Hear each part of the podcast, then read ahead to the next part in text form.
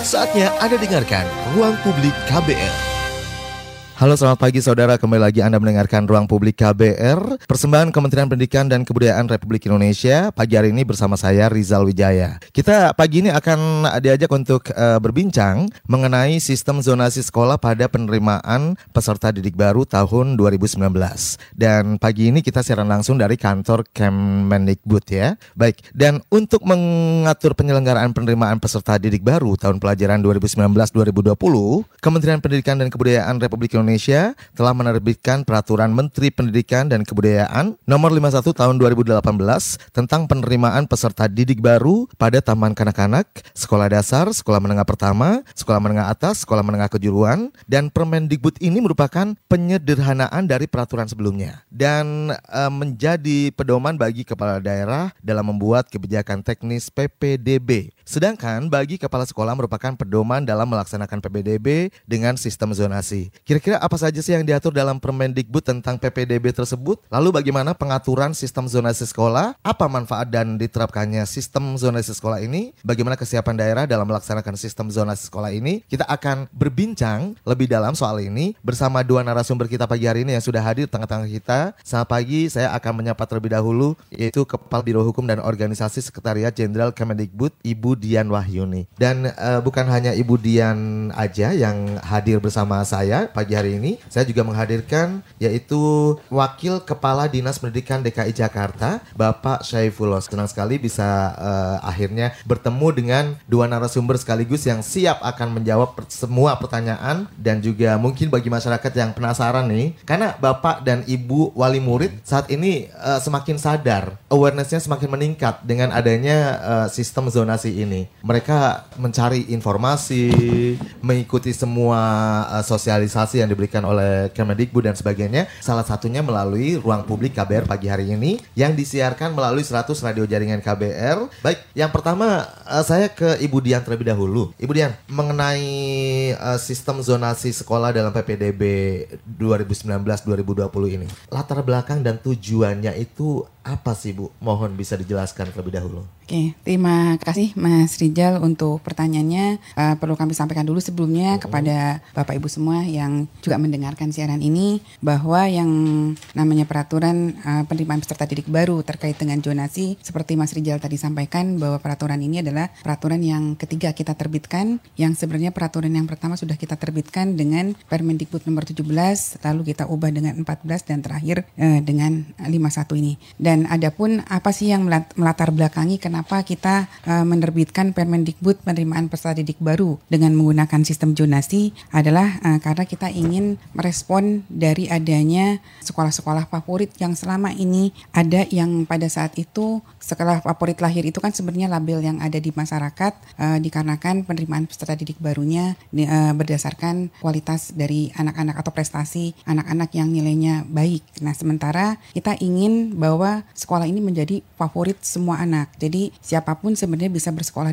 di sekolah tersebut tanpa didasari oleh uh, nilai-nilai prestasi tadi karena kita berharapnya bahwa sekolah itu adalah favorit bagi semua anak seperti itu. Jadi istilahnya tidak ada lagi sederhananya gini ya Bu, hmm. tidak ada lagi misalnya satu sekolah favorit di satu daerah, sementara orang yang rumahnya di sebelah sekolah tersebut harus mencari sekolah di jauh entah di mana. Sementara yang ada malahan dari luar kota yang bisa datang misalnya dari Bekasi ke Jakarta menuju ke sekolah favorit. Seperti itu ya Bu udah nggak ada lagi ya Bu ya? Ya, kita intinya ingin bahwa misalnya anak-anak di sekolah tetangga tadi dia pun punya pintu akses yang sama dengan siapa pun untuk sama-sama bisa bersekolah di sekolah tersebut sepanjang dalam uh, koridor zonasinya. Seperti Baik. itu. Baik. Nah, untuk manfaatnya sendiri nih Bu, sistem zonasi sekolah dalam dunia pendidikan kita mungkin bisa dijelaskan secara lebih luas, lebih ya. detail lagi. Pada intinya, uh, manfaat dari uh, sistem zonasi itu sendiri di samping kita ingin mendekatkan anak bersekolah di satuan pendidikan di lingkungannya, kita pun ingin dengan adanya sistem zonasi ini dapat meningkatkan mutu pendidikan di satuan pendidikan tersebut gitu. Jadi semua satuan pendidikan di mana pun berada ikut-ikut uh, sama-sama berlomba bagaimana uh, meningkatkan mutu pendidikannya sehingga mutu pendidikan ini sehingga sekolah tersebut bisa menjadi sekolah favorit uh, bagi anak-anak yang ada di di dalamnya seperti itu. Lalu juga dengan adanya uh, sistem zonasi ini dengan demikian maka uh, kualitas anak pun akan menjadi sangat berbeda berbeda antara kualitas anak satu dengan anak yang lainnya dan ini juga bisa mendorong para pendidik untuk meningkatkan kreativitasnya uh, di dalam pelaksanaan pembelajarannya seperti apa supaya bisa meningkatkan mutu anak-anak yang ada di dalam uh, kelasnya seperti itu. Dan juga bagi pemerintah daerah diharapkan bagaimana bisa mengintervensi peningkatan mutu uh, satuan pendidikan yang ada di dalam zonasinya. Seperti itu manfaat ke depannya.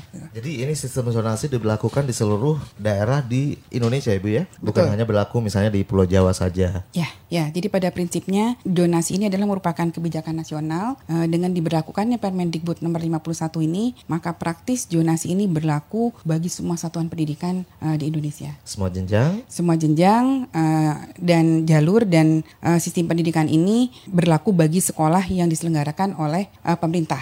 Baik, Ibu, ini menarik mengenai pengkategorian uh, sekolah favorit dan non favorit. Selama ini memang uh, image favorit dan non favorit benar-benar terpatri ya di masyarakat kita. Jadi kalau anak yang prestasinya bagus, yang nilai, uh, pinter, pasti sekolah di salah satu sekolah favorit yang mungkin nggak bisa dijangkau oleh masyarakat yang mungkin rumahnya lebih dekat dari sekolah tersebut. Nah, ini seperti apa penjelasannya, Ibu? Ya, sebenarnya kan seperti yang saya sampaikan tadi di awal terkait dengan persepsi sekolah favorit atau tidak favorit ini kan sebenarnya uh, persepsi masyarakat yang memang pada saat itu untuk masuk ke dalam sekolah tersebut adalah uh, didasarkan kepada prestasi anak. Nah, uh, akhirnya karena ada persepsi sekolah favorit atau tidak favorit tadi, maka bagi anak-anak yang prestasinya tidak baik atau kurang, prestasinya kurang, akhirnya dia punya kesulitan untuk masuk uh, di sekolah tersebut walaupun sekolah itu uh, berdekatan dengan uh, di mana dia tinggal. Jadi uh, kami berharap mudah-mudahan ke depan tidak ada lagi nih persepsi masyarakat terkait dengan sekolah uh, favorit atau tidak favorit, harapan kita ke depan bahwa tadi seperti saya sampaikan di awal bahwa sekolah itu adalah semua menjadi uh, favorit anak tadi seperti itu. Baik.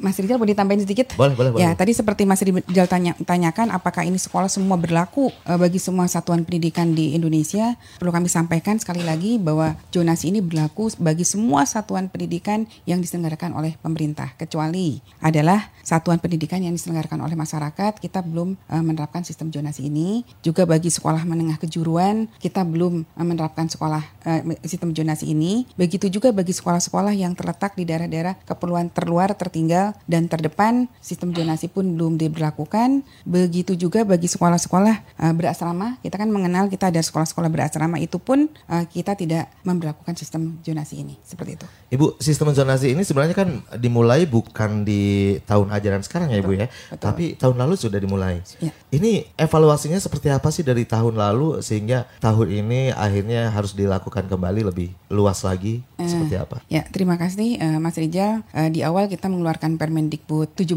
lalu selanjutnya kita mengeluarkan Permendikbud 14 sampai sekarang uh, 51 sebenarnya ini lebih uh, menyempurnakan peraturan-peraturan yang ada walaupun sebenarnya terkait dengan sistem zonasi itu sudah kita berlakukan. Nah, kenapa kita melakukan perubahan kemarin itu? Kenapa kita lakukan perubahan? Yang pertama dari uh, 17 ke 14 kita lakukan perubahan itu adalah terkait dengan rombongan belajar minimumnya di dalam satu satuan pendidikan. Maka kita sekarang tidak ada lagi terkait dengan uh, rombongan belajar minimum yang jumlah muridnya 20 anak dalam satu rombel itu sudah kita keluarkan dari regulasi tersebut. Uh, lalu di uh, Permendikbud 14 yang kita rubah dengan 51 ini uh, adalah juga terkait dengan masalah SKTM. Kalau dulu uh, penerimaan peserta didik itu kita berdasarkan uh, ada surat keterangan miskin kita katakan seperti itu. Kalau di peraturan yang sekarang kita yang penting adalah bagi anak-anak yang mengikuti program-program uh, pengentasan kemiskinan saja, tapi tidak khusus kita kepada SKTM-nya. Seperti itu. Nah, mengenai jalur jalur zonasi nih Bu, dengan kuota minimal 90%, kemudian jalur prestasi dengan kuota maksimal 5% dan jalur perpindahan tugas atau pekerjaan orang tua dengan kuota maksimal 5%. PPDB tahun ini dilaksanakan dengan tiga jalur ini ya Ibu ya. Nah, apakah dengan pembagian kuota seperti ini sudah memberikan rasa keadilan nih bagi uh, masyarakat? Terkait Bagaimana dengan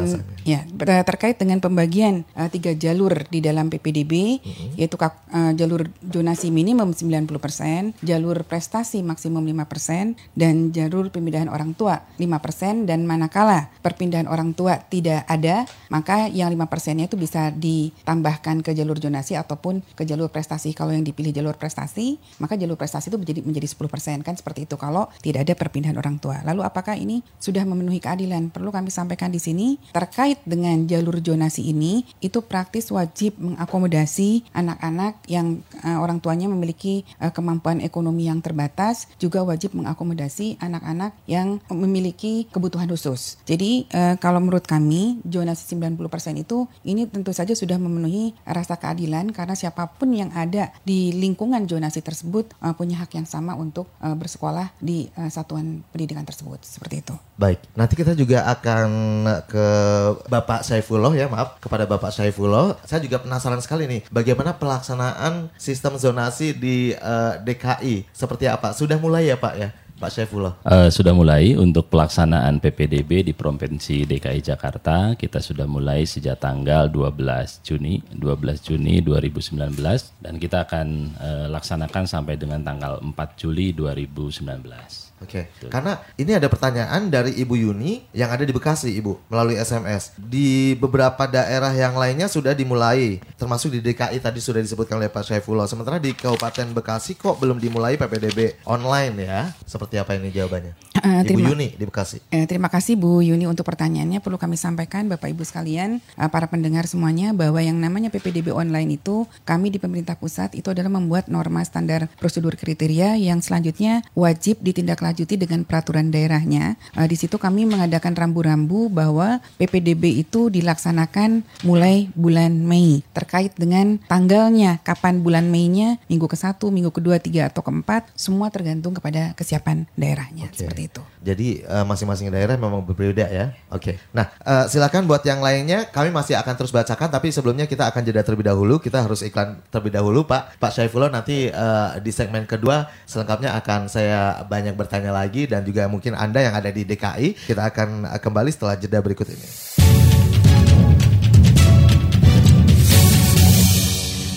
Anda masih mendengarkan Ruang Publik KBR bersama saya Rizal Wijaya dan dipersembahkan oleh Kementerian Pendidikan dan Kebudayaan Republik Indonesia. Tema kita pagi hari ini adalah sistem zonasi sekolah pada penerimaan peserta didik baru tahun 2019.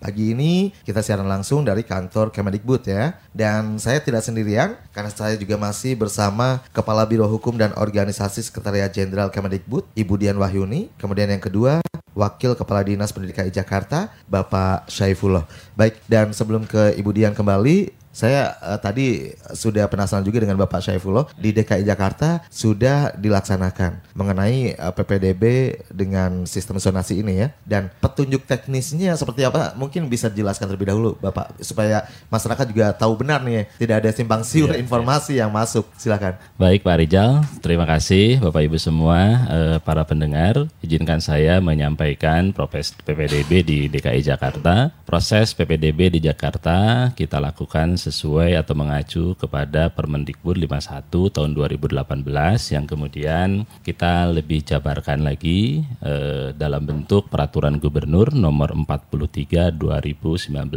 tentang penerimaan peserta didik baru tahun ajaran 2019-2020 yang kemudian dari pergub itu kita atur lagi secara lebih teknis dalam bentuk keputusan Kepala Dinas Pendidikan nomor 496 tahun 2019 tentang petunjuk teknis teknis penerimaan peserta didik baru 2019-2020. Jadi secara perangkat hukum kami DKI Jakarta mudah-mudahan telah lengkap dan seluruh juknis seluruh ketentuan mengenai pelaksanaan PPDB di Jakarta sudah kita sosialisasikan Pak. Banyak saluran yang kita gunakan. Pertama kami libatkan seluruh Pak Lurah, Pak Camat, kemudian para RW kami sosialisasi sampai dengan ke RW-RW, kami pasang poster e, mengenai PPDB beserta e, tata cara dan syarat-syaratnya di seluruh RW sehingga diharapkan ini semua bisa menjangkau ke seluruh lapisan masyarakat. Selain itu juga petunjuk teknis kita sampaikan melalui Twitter Disdik Instagram Disdik, kemudian Facebook Disdik. Jadi masyarakat bisa melihat secara lebih detail di situ. Juknisnya detail bisa dilihat, bisa dipelajari. Kami juga membuat khusus untuk PPDB ada Instagram PPDB, Twitter PPDB, dan Facebook PPDB. Sehingga masyarakat juga bisa mengakses secara langsung dan mudah-mudahan jelas. Dan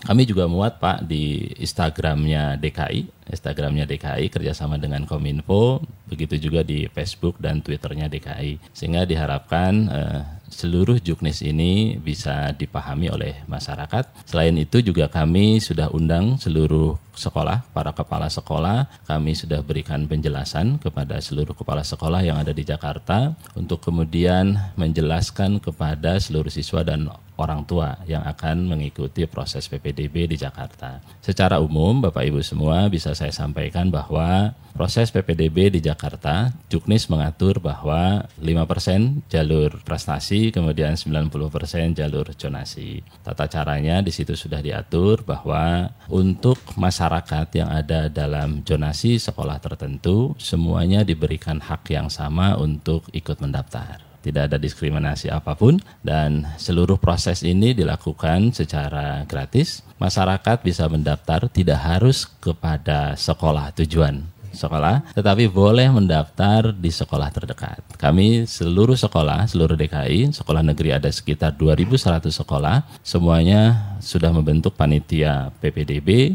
dan siap melayani seluruh warga. Jadi Bapak Ibu yang ingin mendaftar SMA sebenarnya boleh datang ke SD terdekat, ke SMP terdekat untuk mendaftarkan diri dengan membawa kartu keluarga dan NIK beserta hasil uh, eh, UN untuk kemudian nanti ada petugas kami di sekolah memverifikasi kesesuaian NIK-nya dan alamatnya dan kemudian nanti uh, pendaftar akan diberikan token atau password. Nah, setelah mendapat password itu, masyarakat bisa melakukan pendaftaran atau memilih sekolah secara pribadi dan online. Jadi bisa dari rumah masing-masing menentukan pilihan sekolahnya dengan password yang sudah diberikan tadi. Pada saat uh, masyarakat sudah mendaftar, memilih, kami kasih berikan kesempatan untuk memilih tiga sekolah dari banyak alternatif pilihan. Jadi dalam satu kelurahan, misalnya Pak, Kelurahan Pancoran, masyarakat sebenarnya sudah tahu kalau dia tinggal di Kelurahan Pancoran bisa memilih sekolah A, sekolah B, sekolah C. Bisa sampai 10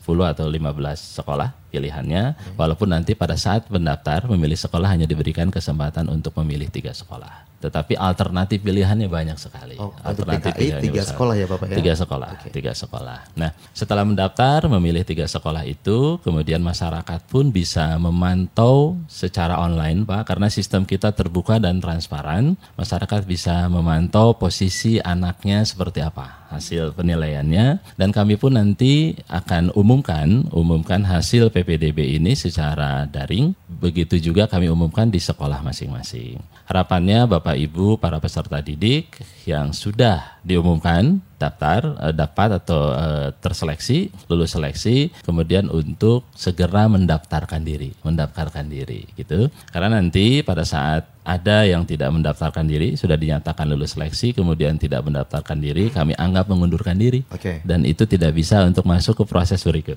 Baik. Gitu, bapak kira -kira. ini kalau di DKI kita sudah tahu ya sosialisasi dilakukan menyeluruh bahkan sampai ke tingkat RT RW gitu ya ini beda lagi dengan yang di Yogyakarta ada Bapak Anton melalui WhatsApp di 0812 118 8181 penyebaran informasi soal PPDB ini masih kurang loh terutama di websitenya informasinya dan bahkan kebijakan setiap sekolah pun beda-beda. Hal ini membuat para orang tua jadi bingung. Tolong berikan sosialisasi yang lebih baik lagi. Silakan mungkin Ibu Dian akan menjawab pertanyaan dari Mas Anton yang ada di Yogyakarta. Uh, terima kasih Mas Anton yang uh, berada di Yogyakarta. Uh, perlu kami sampaikan bahwa kami uh, di Kementerian Pendidikan dan Kuma, uh, Kebudayaan ini belajar dari pengalaman sebelumnya dan kami punya komitmen yang kuat terkait dengan masalah PPDB ini. Oleh karenanya untuk supaya pemerintah daerah punya waktu yang cukup waktu itu untuk melakukan sosialisasi bagaimana pelaksanaan PPDB yang akan dilaksanakan pada uh, tahun 2019 ini. Dengan demikian Permendikbud 51 itu kita terbitkan di akhir Desember 2018 dan Kementerian Pendidikan dan Kebudayaan pun sudah melakukan sosialisasi kepada seluruh kabupaten kota di seluruh Indonesia. Nah, dengan harapan dari sosialisasi kami kemarin, uh, pemerintah daerah segera membuat peraturan-peraturan daerahnya dan secara aktif melakukan sosialisasi melalui media apa pun sehingga masyarakat tercerahkan uh, terkait dengan pelaksanaan PPDB ini. Okay. Demikian juga dengan Yogyakarta. Jadi uh, seharusnya memang Yogyakarta pun sudah melakukan uh, sosialisasi uh, terkait dengan pelaksanaan PPDB di uh, wilayah Yogyakarta itu sendiri. Ini gitu, ada pengawasannya sendiri dari Kemendikbud sendiri seperti apa sih Bu ke daerah-daerah seperti di Jogja seperti Pak Anton tadi bilang bentuk sosialisasinya aja masih kurang gimana masyarakat mau tahu mengerti soal ini bingung. Uh, uh, terima kasih Mas Rijal terkait dengan uh, apa yang dilakukan oleh Kementerian Pendidikan dan Kebudayaan. Kementerian Pendidikan dan Kebudayaan itu punya unit pelaksana teknis di daerah dalam hal ini melalui lembaga penjaminan mutu pendidikan kita di daerah. Itu pun kita uh, tugasi untuk menindaklanjuti pelaksanaan PPDB di daerah bahkan uh, untuk mendorong uh, pelaksanaan sosialis sosialisasi itu sendiri bersama Pak Menteri pun kita sudah melakukan pertemuan-pertemuan uh, dengan seluruh provinsi di seluruh Indonesia uh, baik secara online maupun juga secara pertemuan secara tatap muka okay. di Kementerian Pendidikan dan Kebudayaan untuk menanyakan perkembangan uh, pelaksanaan dari uh, PPDB uh, tersebut seperti itu dan dari hasil pemantauan kami kemarin uh, disampaikan bahwa pelaksanaan PPDB sudah berjalan dengan baik, uh, baik. seperti itu yang uh, kami terima itu Pak. Baik. Karena kalau tadi Ibu Yuni di Bekasi juga bilang ya bahwa di Bekasi bahkan belum ada informasi yang disediakan di websitenya. Ini seperti apa? Sementara bulan Juli udah tahun ajaran baru ak sudah aktif masuk sekolah. Ini terlalu mepet sepertinya kalau sampai tanggal sekarang aja masih belum juga ada informasi apa pun. Ini seperti apa Ibu? Ada sanksi atau seperti apa sih Bu? Mungkin ditegur. Uh. Saat ini sih yang kita lakukan seperti tadi eh, kita eh, dengan teman-teman eh, lembaga penjaminan mutu itu untuk proaktif Pak mengingatkan kepada teman-teman di daerah untuk selalu saya katakan tadi mensosialisasikan apa yang terkait dengan penerimaan peserta didik baru ini ya. seperti itu. Ibu, ini ada pertanyaan juga dari Wikan Wirat Songko dari Bekasi. Bapak Ibu bagaimana menghitung atau rumusan jalur zonasi kombinasi? Karena ada unsur skor jarak domisili dengan nilai UN. Berapa bobotnya? Terima kasih. Um, Ibu, monggo silakan. Pak Saifullah dulu mau jawab. Ya, Nanti setelah itu Bapak baru dari Saifullah mungkin bisa menambahkan Baik. atau menjawab pertanyaan dari Mas Wikan ini melalui Facebook. Baik. Eh tapi sebelumnya kita break dulu Pak, jeda terlebih dahulu. Siap. Maaf sekali. Kita akan jeda terlebih dahulu. Nanti kita akan jawab pertanyaan dari beberapa SMS, WhatsApp dan juga komentar melalui sosmed kita. Ini banyak sekali yang sudah masuk Ibu Bapak. Jadi kita satu persatu akan jawab ya setelah jeda berikut ini. Jangan ke mana-mana, tetap di ruang publik KBR.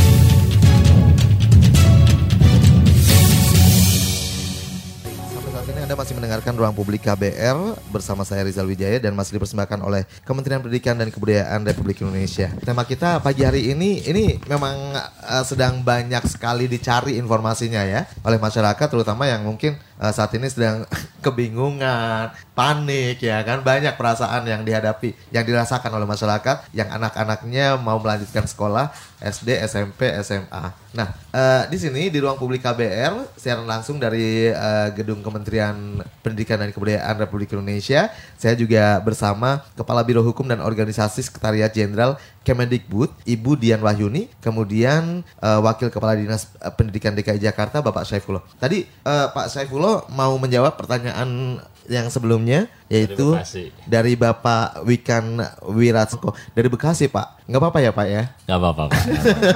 Karena dari DKI sendiri uh, sejauh ini belum ada pertanyaan dari masyarakat DKI yang mengeluhkan atau apa Pak. Baik. Luar biasa. Tadi mohon diulang Pak iya. pertanyaannya. Ya. Jadi bagaimana menghitung atau rumusan jalur zonasi kombinasi? Karena ada unsur skor jarak domisili dengan nilai UN. Berapa Betul. bobotnya? Baik Pak, terima kasih. Barangkali uh, walaupun pertanyaan dari Bekasi, saya ingin mencoba menjawab untuk memberikan gambaran kepada seluruh warga DKI Jakarta mengenai uh, mekanisme zonasi di Jakarta. Jadi Bapak Ibu semua, untuk penerapan zonasi di Jakarta, kami sudah tentukan zonasi-zonasi yang apa namanya bisa dimanfaatkan oleh masyarakat. Pertama, zonasi kita tetapkan secara bersama-sama melibatkan seluruh unsur sekolah, kemudian kasatlak kita bahas bersama, Pak. Jadi satu sekolah sebenarnya bisa diakses oleh beberapa kita pendekatannya kelurahan, beberapa kelurahan sekitar sekolah tersebut. Walaupun yang kita sampaikan kepada masyarakat untuk lebih memudahkan masyarakat adalah dalam SK kepala dinas masyarakat di kelurahan tertentu bisa mengakses beberapa sekolah, okay. beberapa sekolah. Itu yang pilihan tadi. Nah, bagi masyarakat yang ada dalam zonasi sekolah tertentu, dalam satu zonasi, Pak, kami memberikan kesempatan yang sama. Kami tidak mengukur lagi jarak orang tempat tinggal ke sekolahnya. Kami anggap sama itu satu apa namanya uh, satu kesempatan yang sama sehingga alternatif berikutnya atau bukan uh, proses pemilihan siswa barunya adalah dengan menggunakan nilai akademik siswa. Okay. Salah satunya nilai akademik siswa karena itu yang baru kita temukan salah satunya uh, nilai prestasi yang dapat diukur dan tersandarisasi. Itu nilai yang dimaksud adalah nilai nilai hasil ujian, ya, nilai hasil Bapak ya? ujian, ya? betul. Baik, uh, mungkin untuk Ma, Bapak Wikan ya yang ada di Bekasi sudah terwakili jawabannya oleh uh, Pak Syaifullah dari DKI loh. Saya jadi penasaran nih website di Bekasi apakah benar memang belum ada informasi yang diberikan atau seperti apa? Nanti saya akan coba akses ya Ibu ya. Baik, nah Ibu ini untuk yang mau melaporkan atau ada keluhan mungkin dari masyarakat yang mau menanyakan soal PPDB uh, online dengan sistem zonasi ini ke mana Ibu mereka harus melapor? Uh, baik, uh, Mas Ijal perlu kami sampaikan Bapak Ibu pendengar sekalian uh, terkait dengan informasi penerimaan peserta didik baru, uh, Bapak Ibu bisa masuk ke dalam kanal-kanal uh, informasi Pak yang ada di Kementerian Pendidikan dan Kebudayaan. Uh, pertama mungkin terkait peraturan itu sendiri terlebih dahulu ya Pak. Okay. Kalau Bapak Ibu ingin tahu lebih jauh terkait dengan peraturan uh, mengenai PPDB ini, Bapak Ibu bisa mengakses ke laman uh, Kementerian Pendidikan dan Kebudayaan. Jadi bisa masuk ke jdih.kem kemdikbud.go.id. Di situ Bapak Ibu bisa uh, mengakses regulasi-regulasi di bidang pendidikan dan kebudayaan. Lalu selanjutnya terkait dengan pengaduan pengaduan-pengaduan mengenai PPDB ini uh, bisa menghubungi kami melalui unit layanan terpadu dengan nomor telepon 021 570 3303. Jadi sekali lagi 021 570 3303 atau bisa juga melalui WA yaitu ke 0812 976 929 sekali lagi ke 0812 976 929 atau bisa juga uh, ke posko pengaduan Inspektorat Jenderal Kementerian Pendidikan dan Kebudayaan. Jadi bisa melalui WA ke 0812 976 929 tadi Baik. atau melalui email Pak pengaduan at kemdikbud.go.id seperti itu. Baik, ya nanti akan kami ulang kembali ya beberapa hmm. nomor telepon atau kontak center yang bisa uh, dihubungi. Hmm. Tapi sebelumnya dari Ibu Tri Jakarta, saya selalu mengira PPDB online adalah sistem pendaftaran masuk sekolah secara online alias tidak perlu datang langsung mendaftar. Tapi saya lihat media beberapa hari ini orang tua, oh lihat media beberapa hari ini orang tua sampai menginap di sekolah untuk mendaftar. Ini karena orang tua kurang informasi atau memang PPDB online sudah tidak dipakai lagi. Tadi Bapak juga sempat menyebut ya uh, di awal bisa mendaftar langsung ke sekolahan. Itu seperti apa sih Pak? Yang jelas yang yang mana ini yang benar yang mana nih informasinya? Baik, Baik terima kasih penanya dari Ibu tadi tetapi Ibu Tri, Ibu Tri di Jakarta tapi mo mohon uh, nanti mungkin bisa disampaikan kira-kira kalau kejadiannya di Jakarta di sekolah mana menginap. Karena terus terang sampai dengan hasil evaluasi uh, tadi pagi kami proses pendaftaran di sekolah semuanya berjalan dengan lancar, tidak ada yang sampai menginap di sekolah karena semua sekolah sudah bisa melayani dan secara lebih spesifik dapat saya sampaikan, memang para orang tua diminta untuk daftar hadir ke sekolah untuk mengisi formulir pendaftaran sekaligus kami ingin memastikan bahwa NIK-nya Nik dan kakak dari yang bersangkutan adalah warga Jakarta. Jadi bagi seluruh uh, warga Jakarta yang akan mendaftar, kami akan pastikan terlebih dahulu melihat niknya dan kakaknya. Kami bekerja sama dengan Dinas Dukcapil. Dinas Dukcapil ada di kami bekerja sama dan menempati posko di seluruh wilayah. Ada lima wilayah.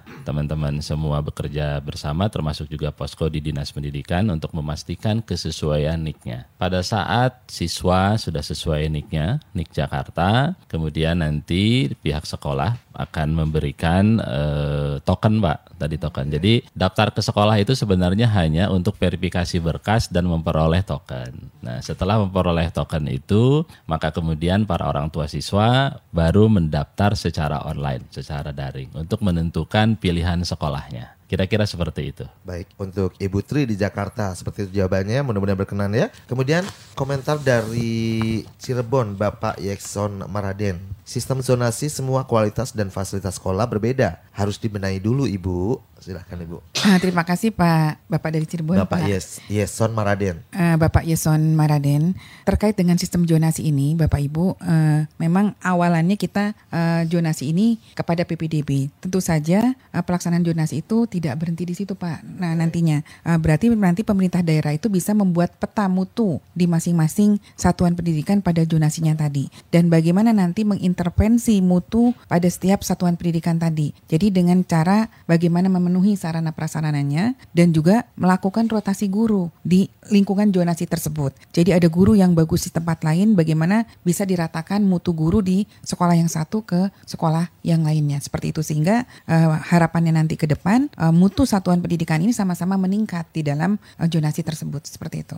Baik, ini ada tambahan juga dari Pak Yekson. Apakah sudah ada transparansi dan ada gosip penjualan kursi terutama untuk kuota jalur prestasi? Benarkah? Sampai sejauh ini eh, kita belum pernah eh, ada informasi yang masuk terkait dengan menjual kuota jalur prestasi. Apalagi mengingat kuota prestasi itu 5% dari eh, kuota penerimaan peserta didik baru untuk setiap satuan pendidikannya. Jadi sangat kecil sekali kuotanya 5% ya. Betul, betul. Pun dengan di DKI Jakarta. Betul Pak, untuk DKI pun kami mengikuti ketentuan dari Kemendikbud. Untuk jalur prestasi kuotanya adalah 5% dan ini sudah mulai berlangsung PPDB melalui jalur prestasi sejak hari Senin kemarin dan akan berakhir pada hari ini. Dan untuk jalur prestasi ini karena kuotanya sudah ditetapkan dan ini semua kita publish Pak. Jadi para pendaftar sebenarnya ya, Pak, untuk ya. masing-masing sekolah di dalam eh, website PPDB kelihatan kuota untuk jalur prestasi itu berapa siswa. Kemudian eh, prosesnya juga sangat transparan. Kita melihat atau memperhatikan eh, prestasi internasional, kemudian nasional, kemudian provinsi dan eh, kota madya. Urutannya seperti itu. Di DKI kan ini kan masih terus berproses ini sedang berproses berjalan Sedang gitu berproses ya, Pak, ya. saat ini. Antisipasi terhadap mungkin ada bentuk-bentuk kecurangan seperti tadi jual beli kursi atau apa segala macam sehingga tidak terjadi gitu. Baik, Pak. Mungkin bisa dibagikan kepada masyarakat. Baik, Antisipasinya eh, seperti apa sih? Antisipasi yang dilakukan oleh DKI Jakarta pertama sistemnya kita buka secara transparan.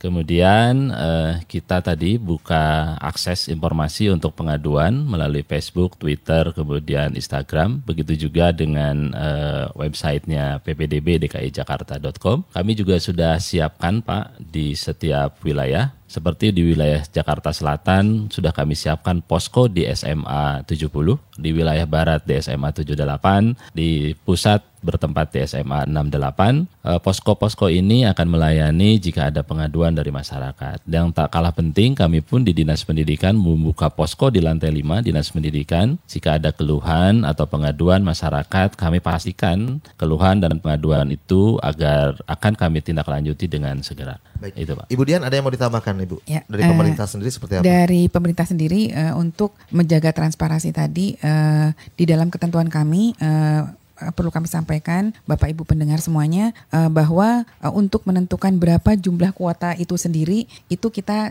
melihat dari Dapodik. Di Dapodik itu kan sudah jelas kira-kira di kelas 7 itu akan menampung berapa anak sih pada sat- setiap satuan pendidikan itu sudah sudah eh, bisa terhitung datanya. Oke. Nah, terkait dengan eh, jalur prestasi sendiri itu kan 5% dari ku- kuota yang dibuka. Dari kuota yang dibuka maka praktis eh, itu eh, terkait dengan pengumuman PPDB itu sendiri pun ini sudah dibuka untuk setiap jalurnya. Misalnya untuk jalur zonasi kira-kira kuotanya berapa? Untuk jalur prestasi kira-kira kuotanya berapa dan jalur perpindahan orang tua kuotanya berapa. Jadi ini semua sudah kita buka secara transparan seperti tadi yang disampaikan oleh Pak Saifullah seperti itu. Baik. Dan eh, ada juga u- untuk kuota untuk penyandang disabilitas ya Bu ya? Terkait dengan kuota penyandang disabilitas itu masuk dalam kuota 90% yang zonasi tadi untuk anak-anak penyandang disabilitas punya pintu akses Baik. utama di dalam diterima di dalam zonasi pendidikan tersebut. menjadi prioritas ya Bu ya. Iya.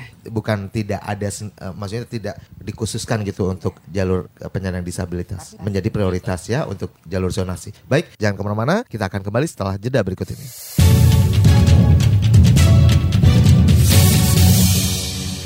Saya Rizal Wijaya di ruang publik KBR pagi hari ini yang dipersembahkan oleh Kementerian Pendidikan dan Kebudayaan Republik Indonesia dan kita masih berbincang mengenai sistem zonasi sekolah pada penerimaan peserta didik baru tahun 2019 ya. Kita juga masih berbincang dengan Kepala Biro Hukum dan Organisasi Sekretariat Jenderal Kemendikbud Ibu Dian Wahyuni. Kemudian yang kedua, kami juga masih bersama Bapak Syaifullah selaku Wakil Kepala Dinas Pendidikan DKI Jakarta. Oh ya, untuk informasi eh, PPDB dengan sistem zonasi ini, Anda juga bisa mengakses melalui uh, www.ult.kemendikbud.go.id. Kemudian melalui SMS di nomor 08119769299. Kami ulang ya, 08119769299 atau Anda bisa kirim email melalui pengaduan at kemdikbud.go.id. Nah, silahkan Anda yang mungkin akan uh, mengadu berkeluh kesah bisa melalui tiga saluran tersebut ya dari uh, Kemdikbud sudah disiapkan. Baik, uh, Ibu dan juga uh, Bapak Syaiful loh. Ini ada beberapa pertanyaan lagi yang mesti saya bacakan karena ini udah segmen terakhir. Jadi sayang sekali kalau uh, sampai mungkin tidak ada kesempatan lagi buat bertanya di sini ya. Langsung aja dari Ibu Dira di Depok kan ada kuota. Oh ini yang soal disabilitas tadi. Okay. Jadi sekali lagi untuk disabilitas bahkan di DKI Jakarta mungkin bisa dijelaskan Baik. Pak. Baik Bapak Ibu uh, semua. Jadi pertama saya ingin menyampaikan secara umum untuk donasi di Jakarta. Pertama sebenarnya pemerintah DKI Jakarta memberikan uh, perhatian khusus bagi anak-anak panti sosial. Anak-anak panti sosial sudah dikasih prioritas pertama masuk Pak. Sudah daftar ulang kemudian anak-anak para pekerja pengemudi Jaklingko sudah prioritas. Kemudian berikutnya adalah anak-anak dari para pemegang kartu pekerja Jakarta dan berikutnya adalah untuk adik-adik kita yang memiliki kebutuhan khusus itu kita siapkan jalurnya melalui jalur inklusi Pak di setiap sekolah dan ini duluan prioritas duluan sekarang sudah daftar ulang. Jadi mereka diberikan kesempatan untuk masing-masing satu uh, sekolah setiap rombel dikasih kesempatan kuotanya dua orang. Dua orang untuk bisa masuk ke sekolah-sekolah kita. Dan ini saat ini untuk DKI Jakarta sudah proses lapor diri, lapor Baik. diri untuk inklusi. Untuk semua daerah sama ya Bu ya, ada kuota juga untuk dua orang. Uh, enggak seperti itu. Sekali okay. lagi uh, kuotanya itu tergantung kepada peraturan daerahnya masing-masing. Tapi sekali lagi di dalam Permendikbud 51-nya di dalam setiap zona itu diprioritaskan. Sekali lagi tetap dalam zonanya diprioritaskan bagi anak-anak yang tidak mampu dan juga anak-anak uh, penyandang disabilitas. Jadi bagi anak-anak penyandang disabilitas itu karena mengingat kita ini sekarang sudah terbit undang-undang uh, disabilitas yang juga ditindaklanjuti oleh uh, uh, yang nantinya akan ditindaklanjuti oleh peraturan pemerintah mengenai akomodasi yang layak. Uh, di situ dikatakan bahwa setiap anak itu uh, berhak untuk sekolah di mana pun dia berada bagi okay. yang penyandang disabilitas. Nah ini sejalan dengan kebijakan jonasi. Jadi di dalam jonasi itu supaya mendekatkan anak kepada satuan pendidikan tersebut, uh, termasuk untuk anak-anak yang disabilitas tadi, dia punya akses uh, utama uh, diterima di satuan pendidikan pada jonasinya. Seperti Jadi itu. keadilannya benar-benar merata ini ya, Bu ya, ya. betul. Baik. Nah, ini ada pertanyaan dari Ed Endria Handaru. Anak yang belajar giat dan dapat nilai bagus bisa kalah sama anak yang malas belajar dan suka kabur jam pelajaran atau mabal. Hmm. dan nilainya jelek. Asal deket sekolah, nggak usah pinter dan belajar dengan keras, cukup dengan KTP atau pindah rumah dapat sekolah, masuk tuh barang. Maksudnya gimana nih? Ya.